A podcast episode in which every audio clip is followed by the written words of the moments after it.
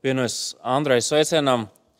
Nezinu, kāpēc vairāk cilvēku man šodien pajautāja, vai es šeit esmu pa nakti nakšņojis.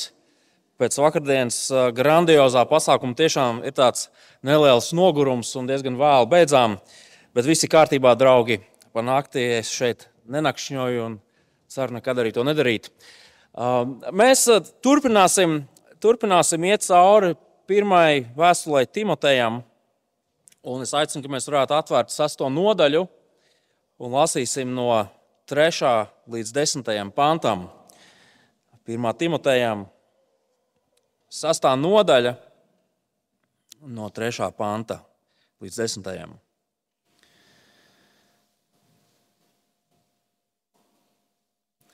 Kas māca citādi un nesako mūsu kunga Jēzus Kristus saprātīgajiem vārdiem, un dievbijīgai mācībai tas ir uzpūtīgs un neko nesaprot.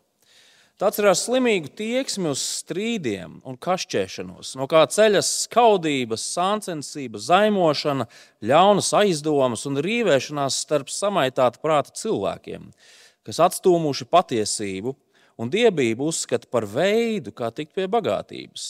Bet dievība pati par sevi jau ir liela bagātība.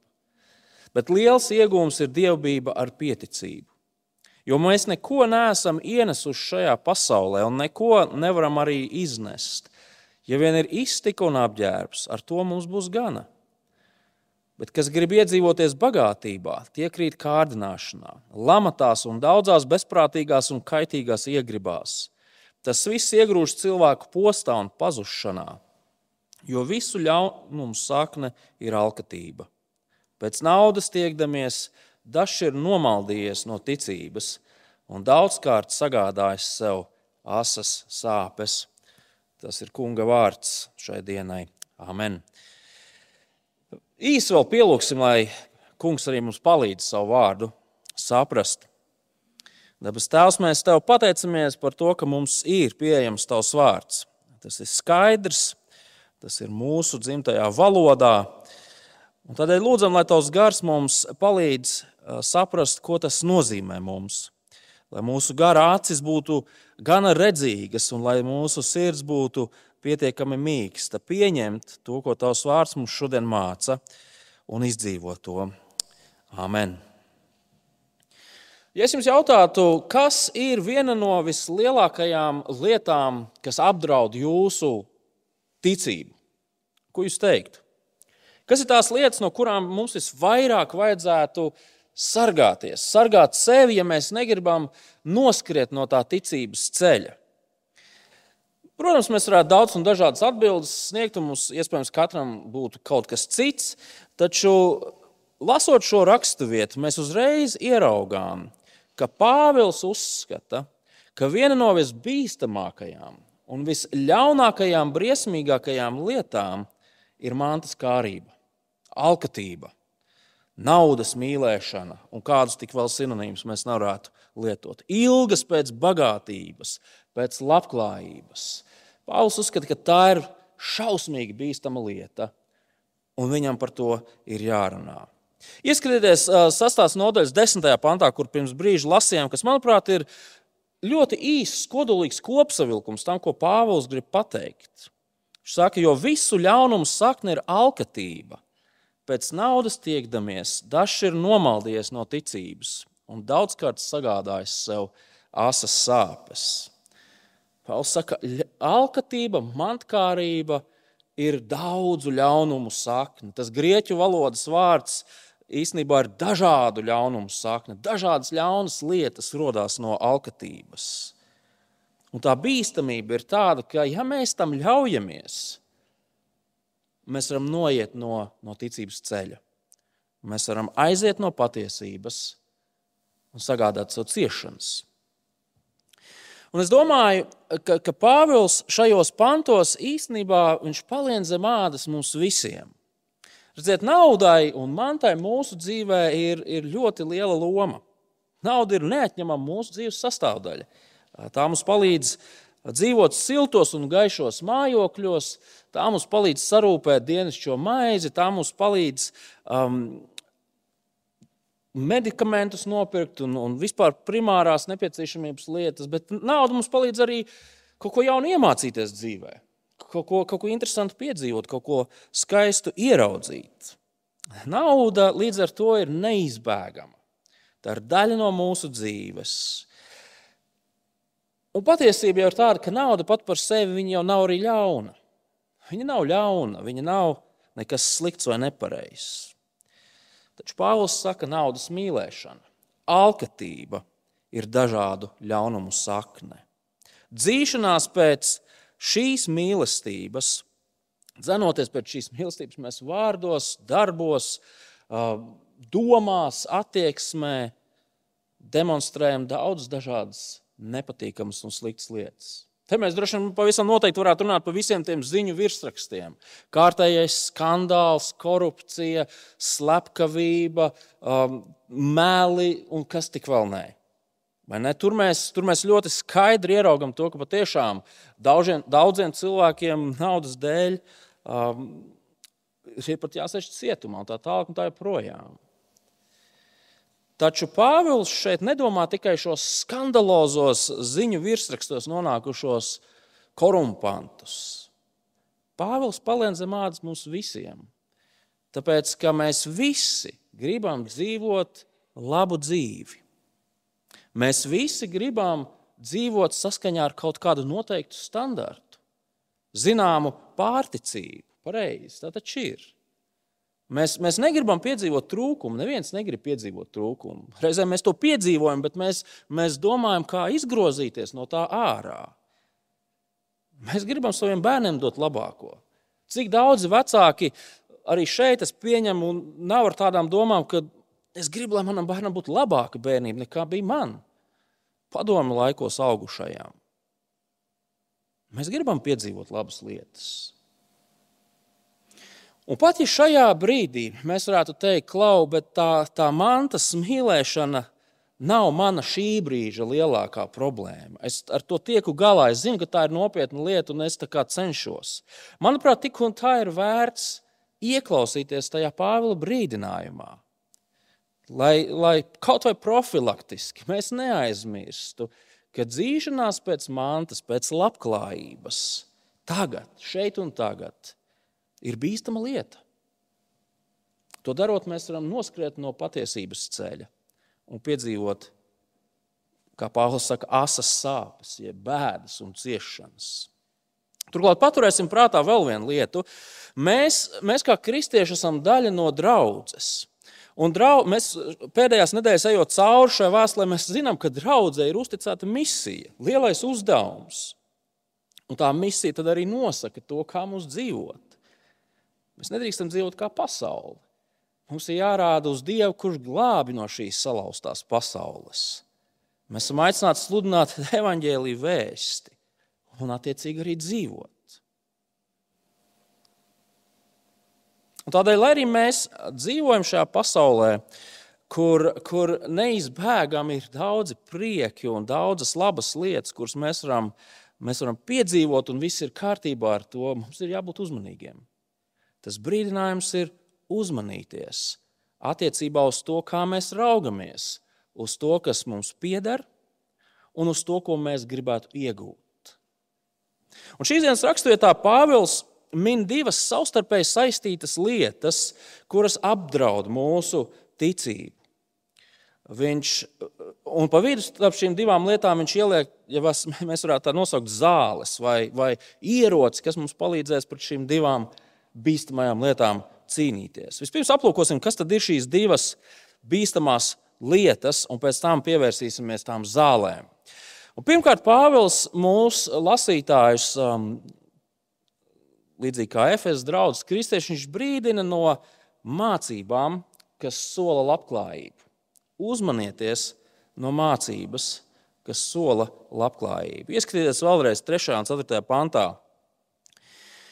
kas māca citādi un nesako mūsu kunga Jēzus Kristus saprātīgajiem vārdiem un dievbijīgai mācībai, tas ir uzpūtīgs un neko nesaprot.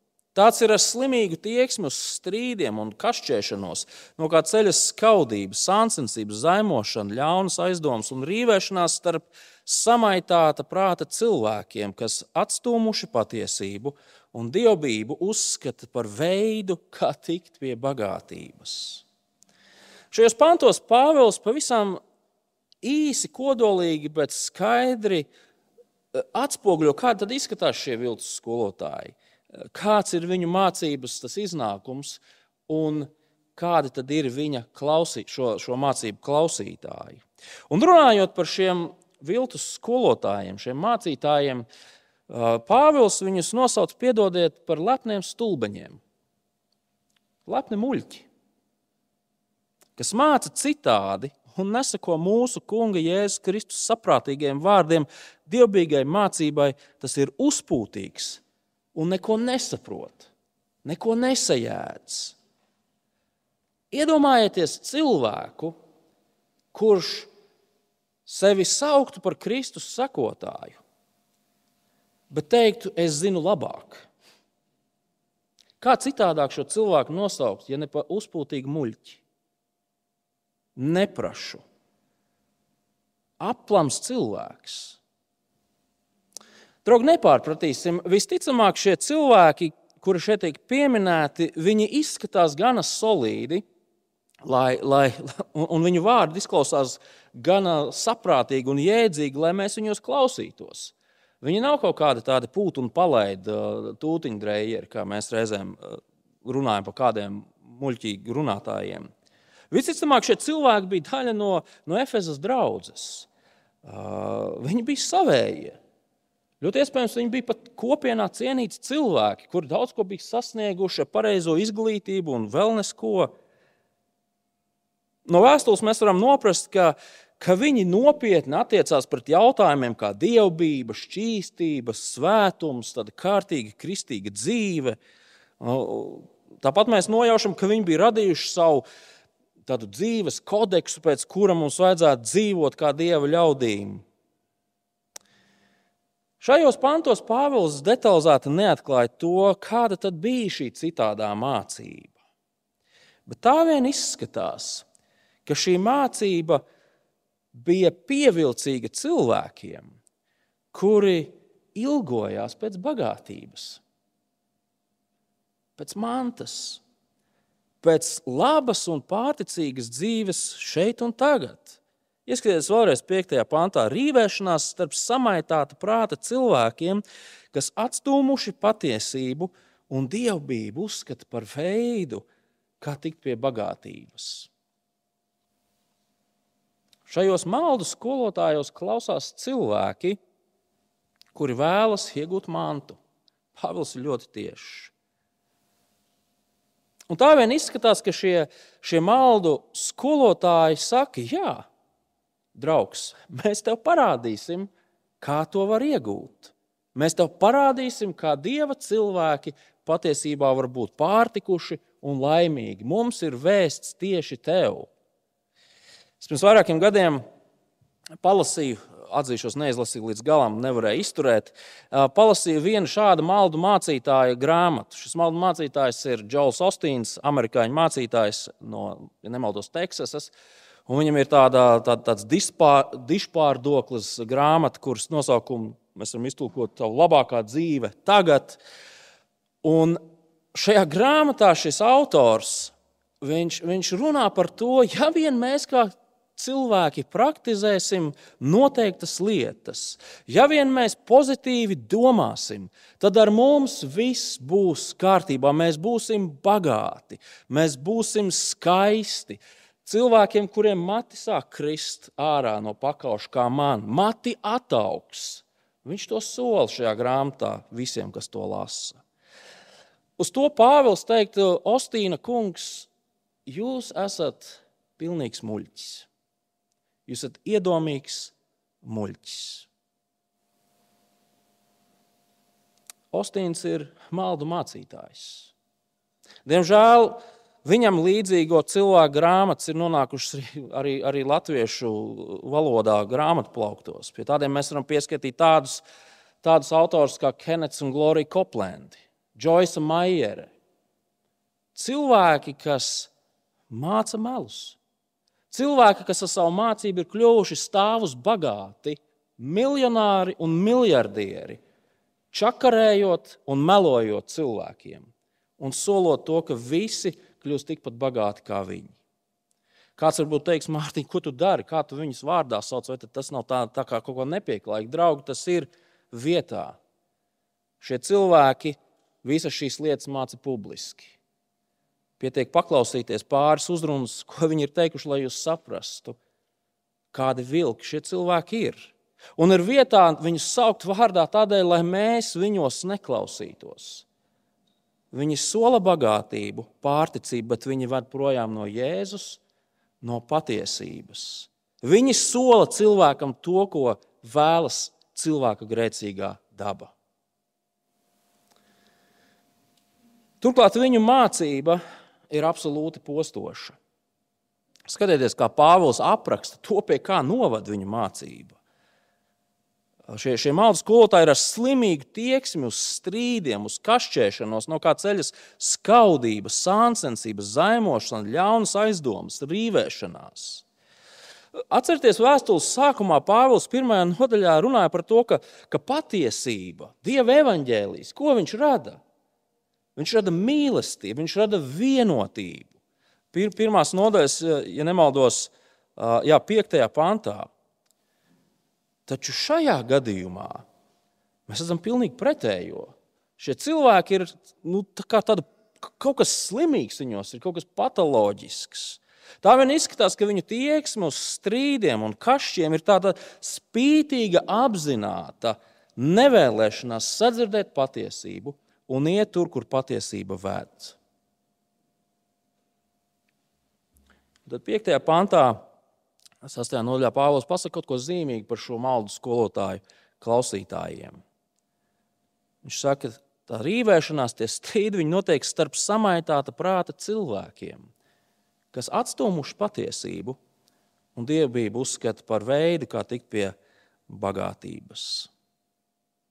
Ir tas jautājums, kas, kas, kas bija pirmais, vista vai ola? Un šeit mēs varētu uzdot jautājumu, kas bija pirmais maldu mācītājs vai cilvēks, kurš gribēja dzīvot maldos. Mēs, mēs tā varētu teikt, tur, kur ir pieprasījums, tur ir piedāvājums. Mēs vēl varētu teikt, tāds tādu atrod pareizi. Ir šie maldu mācītāji, un tad ir šie cilvēki, kuri grib to, ko viņi sola. Un, ja mēs ieskatāmies šajā, šajā pantā, tad visticamāk mēs varētu teikt, ka Pāvils jau šeit nerunā par kristiešiem. Nu, tā vien liekas, vai ne? Šie cilvēki, viņš, viņš viņus raksta, tie ir cilvēki, kuriem prāts ir samaitāts, kur, kuru prātā nav svētais gars radījis kaut kādas izmaiņas. Turklāt šie cilvēki ir atstūmuši patiesību. Viņi, viņi, viņi uzskata, ka dievbijība uh, ir, ir, ir kaut kādi reliģiski rituāli, ceremonijas, mēs īsti nezinām, kas, kas viņiem sarūpēs labu dzīvi šeit un tagad, bagātību, laimi, prieku Iespējams, šie cilvēki ir bijuši kaut kur pie Efesas draudzes. Bet Pāvils saka, ka tie jau neizklausās pēc kristiešiem. Viņu prāts ir samaitāts. Šie cilvēki ilgojas pēc vienas lietas, pēc bagātības. Un viņi, lai sasniegtu savus mērķus, būs pat gatavi kropļot Dievu vārdu, dievbijību. Un Pāvils saka, ka tā nav Kristus mācītā vēsts. Šie cilvēki māca pilnīgi pretēji tam, ko mācīja Kristus. Un arī šis dzīvesveids absolūti neatbilst Dieva ļaudīm. Dieva ļaudīm nav tā jādzīvo. Viņiem nav jāilgojas pēc šīm lietām. Un jūs piekritīsiet, ka tie ir ļoti skarbi vārdi. Tie ir ļoti tieši vārdi, Mēs nevaram nekādā veidā mazināt to skanējumu, cik nopietni tie skan. Pāvila brīdinājums patiesi ir ļoti, ļoti, ļoti nopietns. Šādu mācību mācītāji un šādu mācību sekotāji, viņi ir uz pazušanas ceļa. Kristīgā draudzē nav vietas tā saucamai lab, saucamajam labklājības evaņģēlijam, kas sola naudu un labumus un, un, un šāda veida pārticīgas svētības šeit un tagad. Būsim uzmanīgi. Tas ir tas, ko Pāvils grib, lai mēs neiekrastu, lai mēs, lai mēs uzmanītos no šāda veida mācībām. Neiekrist tādos melos. Un tas mūs novada pie vēl vienas lietas, no kuras mums vajadzētu uzmanīties. Un, un, un šī otrā lieta arī ir saistīta ar pirmo. Un, ja mēs varētu tā teikt, ka, nu, zini, patiesībā, paldies, ka tu brīdināji, bet mēs jau kaut kā filtrējam, un mēs no tās pirmās lietas cenšamies izvairīties. Mēs, mēs esam dzirdējuši par citiem vēl autoriem, un mēs tās grāmatas nepērkam un nelasām, jo zinām, ka tā būs laika izniekošana. Tad šī otrā lieta īstenībā ir vēl grūtāka. Jo Pāvils saka, uzmanies no sirds, kas ilgojas pēc labklājības. Uzmanies no sirds, kas ilgojas pēc labklājības. Ieskatieties šīs raksturvietas uh, noslēdzošais divos pantos, 9. un 10.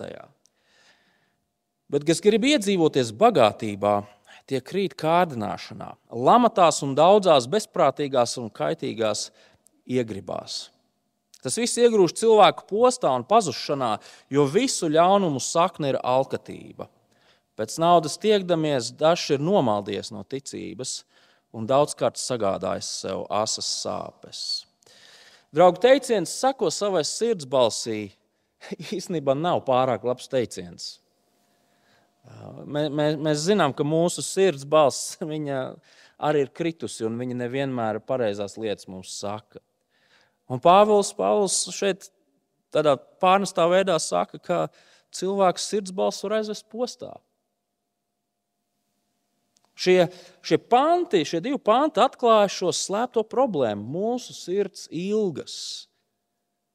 Un Pāvils šeit nerunā par kaut kādiem cilvēkiem kaut kur tur ārā pasaulē. Ne, viņš šeit runā par pašu Timoteju, par Efezas draugus kristiešiem un arī par mums. Mantkārība jau nav kaut kāda negodīgo biznesmeņu, politiķu problēma. Ja tas tā būtu, tad Bībelē nebūtu tik daudz pavēļu, pamācību, ilustrāciju, kas ir saistīts tieši ar šo tēmu, ar, ar, ar, ar bagātību, ar mantu, ar naudu. Visa Bībele ir, ir piepildīta ar šo tēmu. Un patiesībā, ja jūs lasītu evanģēlijas, jūs pamanītu, ka viena no populārākajām tēmām, par kurām arī runāja pats Jēzus, bija saistīta ar mantu. Viņš to izmantoja dažādās ilustrācijās, un mācībās un pavēlēs. Un tas ir tikai skaidrs un saprotams, jo mēs visi vēlamies kaut cik labu dzīvi. Nu, labi, varbūt mums nevajag baigās bagātības, nevajag mums tos šķūņus, kas ir pilni ar zelta graudiem un vēl nezinu ko. Taču mēs gribam pietiekami, lai mēs varētu darīt to, ko mēs gribam. Lai mēs varētu atļauties to, ko mēs gribam atļauties. Tā taču ir. Un ievērojiet to, ka Pāvils šeit nesaka, ka nauda vai materiālie labumi būtu kaut kas slikts pats par sevi. Nākamajā svētdienā mēs, mēs uh, aplūkosim raksturvietas šīs, šīs vēstules nobeigumu, un mēs redzēsim, ka šeit viņš uzrunā bagātniekus.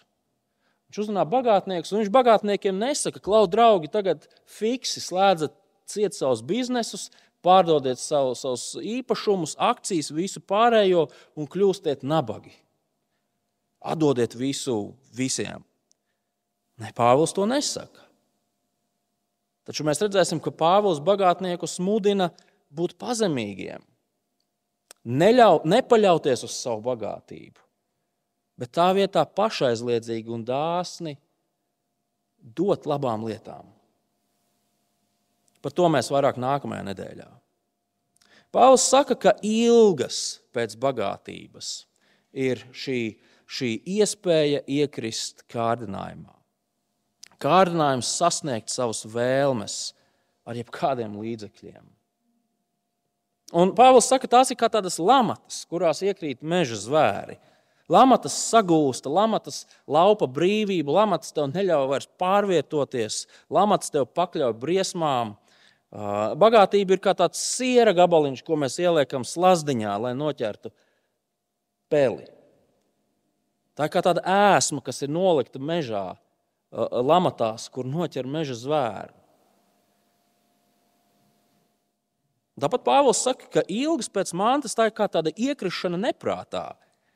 Mēs vairs nespējam skaidri domāt, mūsu, mūsu vēlmes mūs apreibina. Un mēs, mēs vairs neuzdodam šos kritiskos jautājumus, kāpēc man tas ir vajadzīgs, ko es ar to darīšu. Man laika pa laikam patīk izlasīt pa kādai grāmatai, ko lasa apkārtējā sabiedrība. Un pirms kāda laika es izlasīju ASV uzņēmēja Roberta Kijosaki grāmatu Bagātais tētis, nabagais tētis. Un šajā grāmatā autors vienkāršā valodā lasītājiem sola palīdzēt nonākt pie pārticības, pie dzīves, kurā nav jāuztraucas par iztiku vai to, kā mēs dzīvosim vecumdienās. Interesanti grāmata, varbūt noderīga padoma un tā tālāk, un tā joprojām, bet kāpēc es viņu pieminu šo grāmatu? Es viņu pieminu tādēļ, ka es atzīšos, ka es sev pieķēru pie domas pēc šīs grāmatas izlasīšanas, ka es vairākas dienas izteikti daudz domāju par šo grāmatu un to, ko šis cilvēks man teikt, mēģina iemācīt. Un, draugi, problēma, vēlreiz, problēma jau nav tas, ka mēs esam saimnieciski, gudri, ka mēs, mēs domājam par to, kā izmantot līdzekļus, kā viņus labāk pārvaldīt, kaut kur ieguldīt un, un tā tālāk, un to, tā, tā joprojām. Problēma vēlreiz ir tā, ka mēs ilgojamies pēc mantas.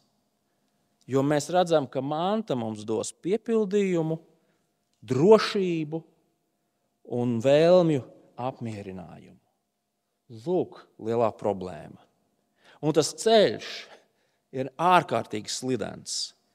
Tas ir tik slidens, kā mūsu ietve pie manas mājas. Tā tās lapas ir sakritušas, uh, Šausmīgi pāris reizes šajā nedēļā izmežģīja kāju. Sētniece nebija darbu izdarījusi. Slidens ceļš, ārkārtīgi slidens. Pēc naudas tiekdamies, dažs ir nomaldījies no ticības un daudzkārt sagādājis sev asas sāpes. Ejot pa šo ceļu, cilvēks var aizslīdēt prom no ticības. Un, draugi, tas nenotiek vienā dienā.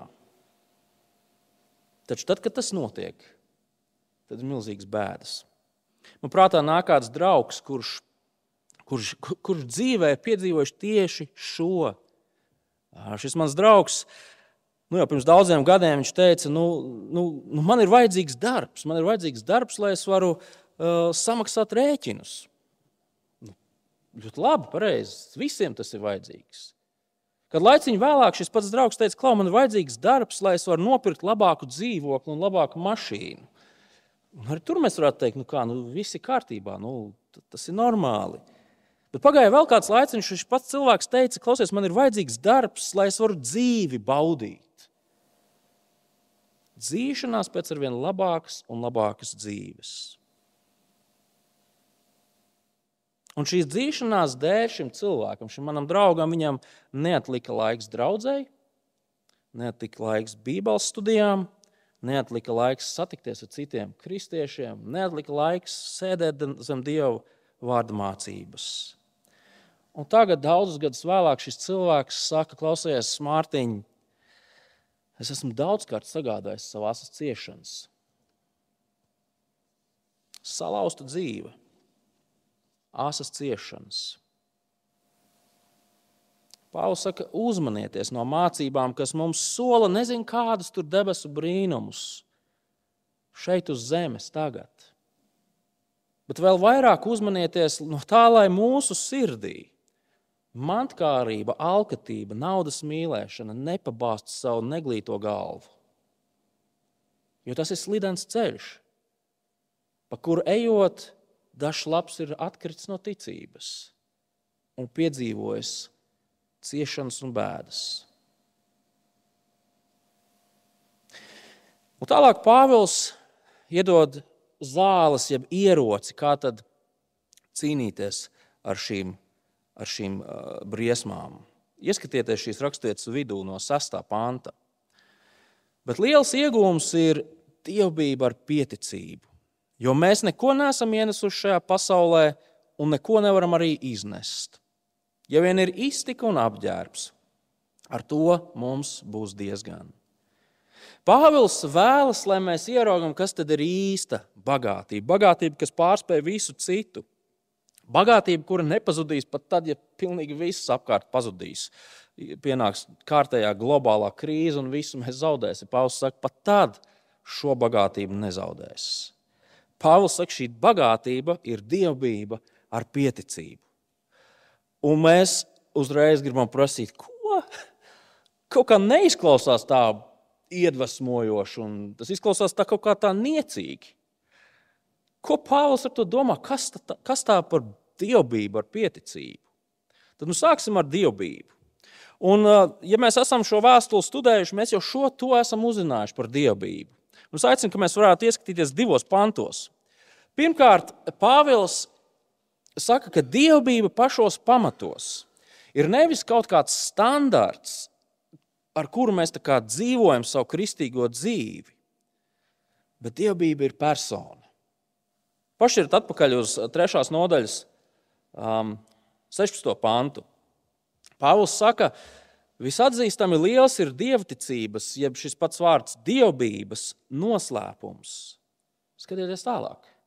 Viņš ir parādījies miesā, tēva attaisnots garā, taps redzams eņģeļiem, sludināts pagāniem, ticībā pieņemts pasaulē, uzņemts godībā. Dievbijības noslēpums ir viņš. Un šis viņš ir neviens cits kā Kristus. Kristus persona un viņa darbs iemieso dievbijības noslēpumu. Un, un, un, ko tas nozīmē mums? Tas nozīmē, ka dievbijība priekš mums nozīmē turēšanās pie šī Kristus. Satvert Kristu nozīmē to, ko nozīmē praktizēt dievbijību. Dievbijība bez Kristus nav iespējama. Tā ir pirmā lieta, ko mēs šajā vēstulē esam mācījušies. Un tad pašķirt uz priekšu, 4. nodaļā, no 7. līdz 9. pantam. Pauls raksta, izvairies no vecu sievu plāpām, vingrini sevi dievbijībā, jo mīsīga vingrināšana ir visai maz noderīga, bet dievbijība ir noderīga visās lietās jo tā ir tagadējās un nākamās dzīves apsolījums. Konteksta dēļ mums jāatcerās, ka Efesas draudzē bija uzradušies šie, šie maldu skolotāji, kuri teica, ka patiesas garīgums, patiesas garīgums ir, ir saistīts ar tavas miesas ierobežošanu, ar kaut kādu tādu rāmīti, kur tu uzliec savai dzīvei. Neprecies, nēd, nedzer, nedari to, nedari vēl šo, un tad dari to, un tad dari to likumu kodeks, ko tu uzspied sev un citiem. Pāvils šāda veida likumu kodeksu cilvēku radīt izdomājumu sauc par vecu sievu pļāpām, par muļķībām. Viņš saka, nu, protams, ka tā miesas kaut kāda tāda nodarbināšana, kaut kādu labumu viņa nelielu jau viņa dod. Nu, ka mēs neļaujam vaļu savām apetītēm un visam pārējiem. Taču tā nav dievbijība. Dievbijībā ir jāvingrinās citādāk. Tagad saliekam šīs divas lietas kopā. Ja dievbijība ir Kristus, ko nozīmē vingrināties dievbijībā? Draugi, pavisam vienkārši. Tas nozīmē censties dzīvot tā kā Kristus. censties sevi izkopt īpašības, kādas piemīt Kristum. Mācīties atdarināt mūsu kungu glābēju ir tas, ko nozīmē dzīvot dievbijā. Mācoties pildīt to, ko viņš ir teicis, darot to, ko viņš ir licis, turoties pie viņa visu laiku, to darot. Un kā Pāvils šajā 4. nodaļā saka, tam būs milzīgs iegūms reāla dzīve gan tagad, gan mūžībā. Vai jūs redzat šo dievbijības iegūmu? Mūžīgā dzīvība kopā ar Dievu. Taču šī dzīve kopā ar Dievu, viņa, viņa sākas jau tagad. Tas nav kaut kas tāds, ko mēs tagad visi gaidām. Reizēm kristieši kaut kā kļūdaini uzskata to, ka, ka, nu, ka tam, ko mēs šeit uz zemes darām un kam mēs ejam cauri, tam īstenībā nav nekādas nozīmes. Vienkārši Sēžam ietārpušies kartupeļu maisos, uz, uzbaram savus galvas pelnus un gaidām to dienu, kad beidzot kungs mūs ņems pie sevis, lai mēs tā pa īstam varētu dzīvot. Tas ir muļķīgi. Tā, tā raksta nemāca. Tas ir tiesa, ka, ka mūsu īstās mājas un tā, tā pilnīgā dzīve, tas viss vēl ir priekšā. Taču arī šī dzīve, ko Dievs mums ir devis, ir jādzīvo ar prieku un pateicību par to, ko Viņš mums ir devis. Ko Viņš mums dod, ko Viņš mums māca, ko Viņš mums sarūpē. Tas nav muļķības. Pats Dievs jau mums to ir devis. Mēs dzīvojam šo dzīvi, ko Dievs mums ir devis ar pateicību, godājot viņu. Un, ja reiz Dievs ir devis vēl vienu dzīvi, eh, vēl vienu dienu manai dzīvei klāt, es esmu pateicīgs par šo dienu. Jo Dievs taču to man ir devis. Mūsu, dieva, mūsu dzīve, ko devis ir Dievs, šī mūžīgā dzīve, viņa sākās tajā brīdī, kad mēs satveram Kristus roku, kad mēs atzīstam viņu par mūsu glābēju. No tā brīža sākas mūsu dzīve. Un nākotne būs grandioza. Bet arī tagadne ir svarīga un laba. Jo tagadnē mēs mācāmies dzīvot kā dievu ļaudis. Mēs vingrinamies dievbijā. Bet Pāvils nesaka vienkārši dievbijība ir šī lielā bagātība. Pāvils saka, dievbijība ar pieticību ir, ir bagātība. Ko tas nozīmē? Nedaudz precīzāks tulkojums laikam būtu dievbijība ar, ar apmierinājumu. Pieticība izklausās pēc kaut kā tāda, tāda, tāda neveikla, tāda kaut kāda tāda nabadzīga, kaut kādas cietas maizītes un ūdens. Apmēram. Es nezinu, katram droši vien savas asociācijas. Bet tas nav tas, ko Pāvils šeit domā. Pāvils saka, dievbijība ar apmierinājumu. Un, draugi, jūs zināt, ka apmierinājums ir tas stāvoklis, kurā jūs varat teikt, es nezinu, kā citos brīžos, bet tagad, tagad ir labi. Tas ir tas, ko nozīmē būt apmierinātam. Šī spēja pateikt, tagad ir labi. Mēs esam apmierināti ar to, kas mums ir. At, at, līdz ar to apmierinājums savā būtībā ir, ir saistīts ar mūsu attieksmi, sirds nostāju. Ne tik daudz ar to, kas mums pieder vai kas mums nepieder. Apmierinājums nozīmē to, ka uh, tas, kas mums pieder vai nepieder, tam nav nekādas lielas nozīmes, tā lielajā bildē. Un to, manuprāt, arī palīdz saprast Pāvila vārdu 7. pantā, jo mēs neko neesam ienesuši šajā pasaulē un neko nevaram arī iznest. Ja vien ir iztika un apģērbs, ar to mums būs diezgan. Gan tur bija tas uh, senais joks par to uh, miljonāru, kurš ir nomiris, un tad, tad cilvēki bērēs iet pie viņa tā manziņa un prasa, nu, cik tur cienītais kungs ir atstājis. Un manziņš viņam saka, visu. Viņš atstāja pilnīgi visu. Pliks ienāca, pliks aizgāja. Manta ir pārējoša, tā ir īslaicīga. Mēs neko nevaram paņemt līdzi uz debesīm. Viss paliks šeit. Vēlreiz, es vienkārši, lai nerastos pārpratumi. Tas nenozīmē to, ka mēs, mēs esam aicināti atmest pilnīgi visu, ko mēs darām, un kā mūki solīties dzīvot nabadzībā kaut kur klosterī, meža vidū. Nē, mums ir jābūt gudriem savas dzīves saimniekiem. Taču šie vārdi, šīs zāles, manuprāt, mums palīdz necepties, kā Latvijas saka. Nestresot, nedzīties, neskriet, nerauties, lai iegūtu kaut ko, kas apkārtējā sabiedrībā it kā tiek uzskatīts par minimumu, kam tev ir jāpiemīt.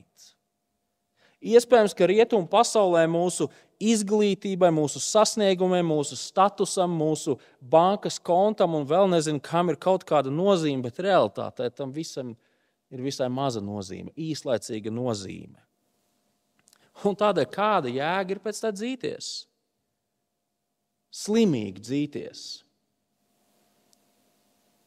Un turklāt, kādu maksu mēs esam gatavi par to maksāt? Pēc naudas tiekdamies, dažs ir nomaldījies no ticības un daudzkārt sagādājis sev asas sāpes.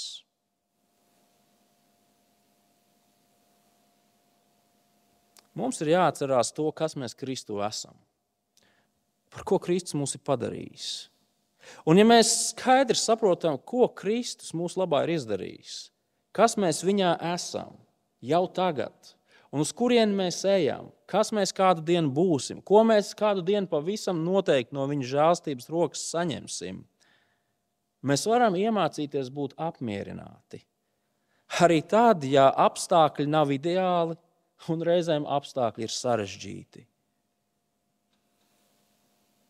Un jo vairāk mēs par to domājam, jo, jo lielāku pārliecību un paļāvību tas mums dzīvē dod. Dievbijība ar apmierinājumu mūs pasargās no vēlmes rauties pēc labklājības šeit un tagad. Dievbijība ar apmierinājumu mūs pasargās no no maldu mācītājiem, šiem labklājības evaņģēlijas sludinātājiem. Dievbijība ar apmierinājumu mums palīdzēs klusināt to mūsu sirdī reizēm pīkstošo balsi, kura kaut ko grib, lai mēs tagad skrienam un darām. Pāvils saka, ka šīs ir vislielākais ieguvums. Kāpēc? Tāpēc, ka tas mums dod drošību, reālu drošību tagadnē un nākotnē. Tas balstās Kristus paveiktajā darbā, tas ļauj mums atslābt. Tas mūs atbrīvo no tā trakā skrējiena pēc lielāku, ātrāku, skaļāku un tā tālāk. Tā joprojām. Mēs dzīvojam sabiedrībā, kur ap mums ir daudzas balsis, kas saka pretējo šim. Un, un, un arī mūsu tā, tā, tā sirsniņa reizēm saka lietas, kas ir pretējās šim. Un tādēļ Pāvils arī raksta šo, šo brīdinājumu. Uzmanieties no tā visa. Un noslēgumā mums ir jāatcerās, kas mēs galu galā kā kristieši esam un kas mēs kā draugi esam. Mēs esam, kā Pāvils 3. nodaļā, 15. pantā saka, mēs esam dzīvā dieva nams, dzīvā dieva draudzene. Un, un draugi, mēs nepaliksim uz šīs zemes mūžīgi. Daži gadu desmiti, un mēs būsim mūžībā pie sava kunga, pie sava glābēja, viņa valstībā. Un tas nozīmē, ka pret šo pārējošo mēs attiecamies atbilstoši. Mēs priecājamies par labo, mēs, mēs pateicamies par iespējām, ko Dievs dod un sagādā. Mēs pateicamies par to, ko mēs varam īstenot un sasniegt ar Dieva dotajiem talantiem un, un prasmēm, kuras mēs esam iemācījušies. Taču mēs nelaižam saknes šajā pasaulē. Jo šī pasaule nav viss, kas ir. Draugi, atcerēsimies, ka mūsu uzdevums šeit ir nevis radīt un atstāt mantojumu, dinastiju vai vēl kaut ko tamlīdzīgu aiz sevis. Bet mūsu uzdevums šajā pasaulē ir radīt patiesību par Dievu un lai šī patiesība Dieva žēlstībā cilvēkus izglābi no šīs bojā nolemtās pasaules, dāvājot cilvēkiem atdošanu, glābšanu un reālu nākotnes cerību uz mūžīgo dzīvību. Tad, nu, lai šis, šis brīnišķīgais, šī brīnišķīgā pas, patiesība un šis cēlais uzdevums mums dod spēku pretoties šim kārdinājumam, pieķerties tam, kas ir zūdošs stingri turēsimies pie tā labuma, ko Kristus mums ir devis, ko Viņš dāvā mums jau tagad.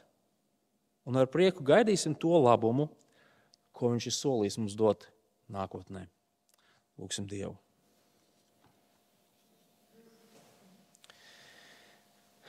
Labais dabas tēvs patiesi, mēs tev pateicamies par Kristu, par to, kā Viņš bez grēka būdams mira par mums, lai, lai mūs attaisnotu.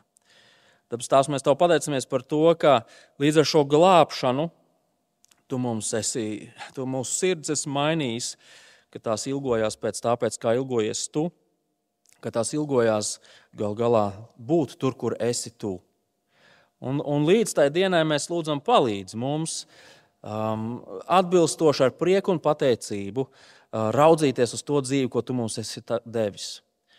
Tās, lai mēs nepieķeramies tam, kam nevajag pieķerties, lai mēs nedzinamies pēc tā, pēc, kas, ir, kas ir pārējošs un īslaicīgs, un lai mēs neuzķertos uz šiem meliem, kas šajā dzīvē sola daudz ko, bet uz spēles ir likt arī daudz kas. Tās palīdz, ka mēs pa šo slideno ceļu nemaz nesāktu iet, un ja esam sākuši, ka mēs pēc iespējas ātrāk atgrieztos lai mēs neaizslīdētu kādā grāvī, kurā mēs pavisam noteikti nevēlamies attapties. Mēs tev pateicamies, ka tu esi labs Dievs. Paldies, ka tu savā vārdā esi atstājis šādus brīdinājumus un dod, ka mēs tavā žēlstībā varētu tos ņemt vērā. Jēzus vārdā. Amen.